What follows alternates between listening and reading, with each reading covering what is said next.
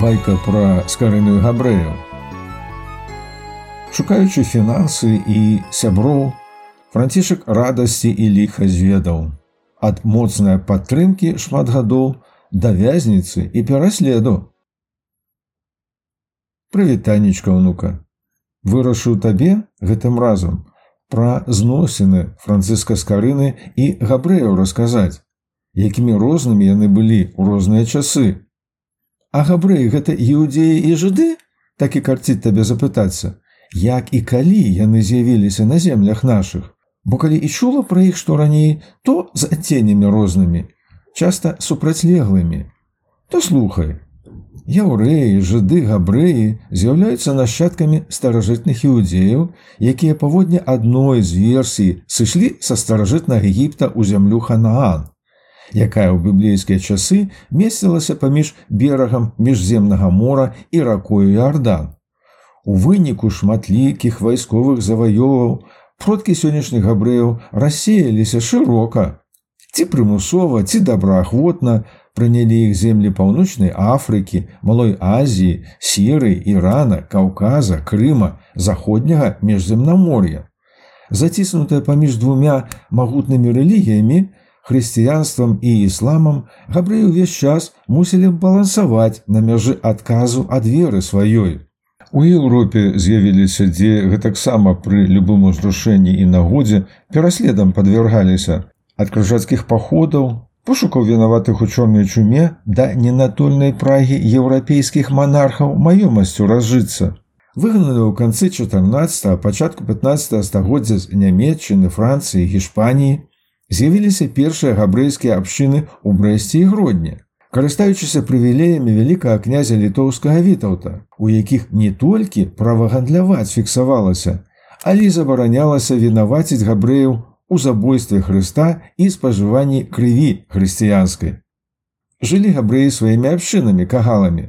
Вызнавалі іудаізм размаўляльны ідыш Габрэі вялікага княства літоўскага мелі права свабодна гандляваць і займацца рамяством. Часам вялі буйныя фінансавыя аперацыі, часам атрымлівалі наводку пошліны, падаткі і іншыя дзяржаўныя абкладанні. Некаторыя з іх валодалі зямельнымі надзеламі. Недатыкальнасць асобы і прыватнай уласнасці габрэяў ахоўвалася вялікакняжскай уладай і законамі дзяржавы. Як ты разумееш унука, Францішак скарына апантаны неадольную прагаю кнігадрукавання на ногі паставіць, ну ніяк не мог не мець фінансавых дачыненняў з заможнымі гандлярамі і рамеснікамі габрэйскага паходжання. Каб дазнацца, як па-рознаму адносіны гэтыя складаліся, звярнуўся я па дапамогу да кандыдата гістарычных навук Ніны Скепян, старшыні беларускага інстытута ў празе. Прывітанне спадарня Ніна. Прывітанне спадара лезь скажите калі ласка колькі словаў пра сябе.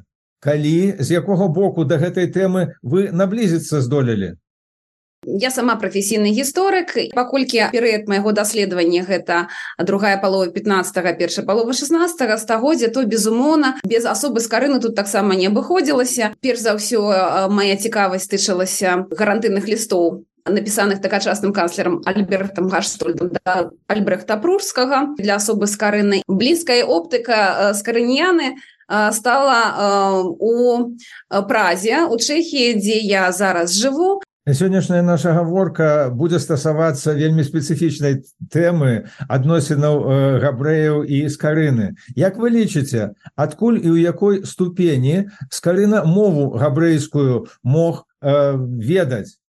Дзякуй за пытанне. Гэта сапраўды вельмі цікава. Трэба разглядаць э, вось гэтае магчымае веданне габрэйскай мовы ў кантэксце ўвогуле развіцця тагачаснага грамадства на пачатку 16 стагоддзя. Шырока вядомы факт что пры двары князю алелькавіша жылі габрэі якія для патрэб княскай сям'і перакладалі як біблію так і кабалу. Двор кожнага спадчынага князя ці ново утвораных магнатаў ён адлюстроўваў адбіваў структуру двара каралеўскага мы можем меркаваць что такія ж самыя працэсы адбываліся пры великакняцкіх дварах пры біскупствіх дварах сыходзячы з таго что карына хутчэй за ўсё атрымлена сваю адукацыю ўсё ж таки у вільні то гэтае знаёмство магло адбыцца дастаткова рана выбор адукацыі у крафскім універсітэце дзе таксама была вялікая абшынная габрэйская могла прывесці з карыну да знаёмства з гэтымі тэкстамі адзін з беларускіх даследчыкаў владимир гіевич выказаў гіпатэтычнае меркаванне что скарына мог здзейсніць паломніцтва у Ерусалім что вы можете сказаць про гэта Но мне падаецца, што гэтая спекулятыўная гіпотэза безумоўна мы ведаем, што ёсць два вялізных перыяды, пра якія мы не ведаем, што ў гэты перыяд мог рабіць францыскарына. Гэта першае за ўсё пасля сканчэння кракаўскага універсітэта да абарону па данскім універсітэце 6 год і пасля абароны упадуе і да яго з'яўлення у празе ўжо падрыхтаваны да кніга выдавецкай дзейнасці. Ты ж самыя падуанскія документы показваюць что ён паміж сканчэннем каракаўскага універсітэта ўжо працаваў як сакратар. У гэты ж самы перыяд ён мусіў скончыць а, і быць доктарам вольных мастацтваў на які патрэбна было па меншай меры час. Он адпаведна гэты перыяд адпадае так? Другі перыяд з 12 по там 19 год ён таксама мне падаецца не мог гэтага рабіць тому что ему патрэбна была падрыхтоўчая праца каб пачаць кнігу выдавецкую дзейнасць і калі на гэта накладаць яшчэ падарожжа у Ерусалім мне э, не падаецца аргументы прыведзены спадаром владзем евічам пераканаўчымі Што вы спадарняніна думаеце адносна існуючай гіпотэзы пра сяброўскія адносіны і дапамогу францыску скарыны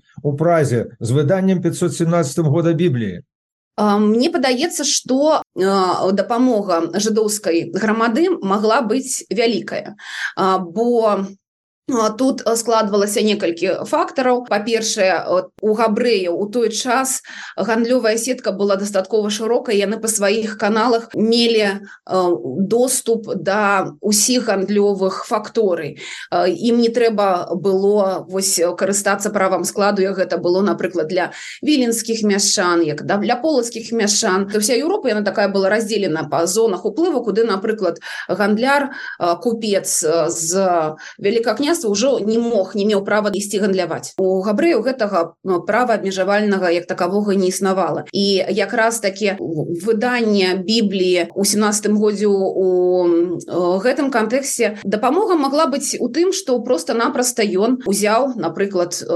гравюры некаторыя для выкарыстання. Вось у сваіх даследаваннях шэскі даследчык фойт ён таксама кажа пра пераемнасць з друкарні габрэйскай у скарынінскую беларускую і дзякуючы гэтым прыходзіць да высновы што яны ўсе карысталіся адной майстэрні якую здаваў у аренду як северы Мое наступнае пытанне акурат под вашу тэму трапляе. Бо другі раз лёс францыска з карынай безымяннага ідзея перакрыжаваўся ў траўні 1530 года. І ў лістах прускага герцага альберта да віленскай воду гаштольда утрымліваецца скаргу на скарыну які тайна лекара іудзея і друкара звёз Я думаю, что это связано с упартым жаданнем Франциска свае бізнесы віленскай захаваць. Што вы скажете на гэты конт? ведаеце я цалкам тут не пагаджуся бо на мой погляд гэта было у большай ступені звязана з маёмаснымі справамі пасля смерти яго брата з так званай познайскай каўзай габрэі ён зводзіў з кёнігсберга дзеля таго каб той мог на мой погляд прадстаўляць яго інтарэсы перад судом. По законе суд мог адбывацца ці праз прадстаўніцтва так жыць жыдом габрэй з габрэем ці ўжо каралеўскі суд але таксама столькі з удзелам адваката гэта немагчыма было наўпрост судзіцца яўры яўрэі былі вылашаны ў асобную прававую катэгорыю цікавая думка. І гэта акурат звязана з наступным маім пытаннем. У дакуменце падпісаным каралём польскім і вялікім князем літоўскім жыгемондам узгадваецца скарга варшаўскіх ідзеяў лазара і Маісея якія учынілі паўторны пераслед з карыны што потым да вязніцы яго прывёл Што вы думаеце пра магчымыя прычыны такога пераследу увогуле з гэтым пераследам вельмі цікавая гісторыя адбываецца.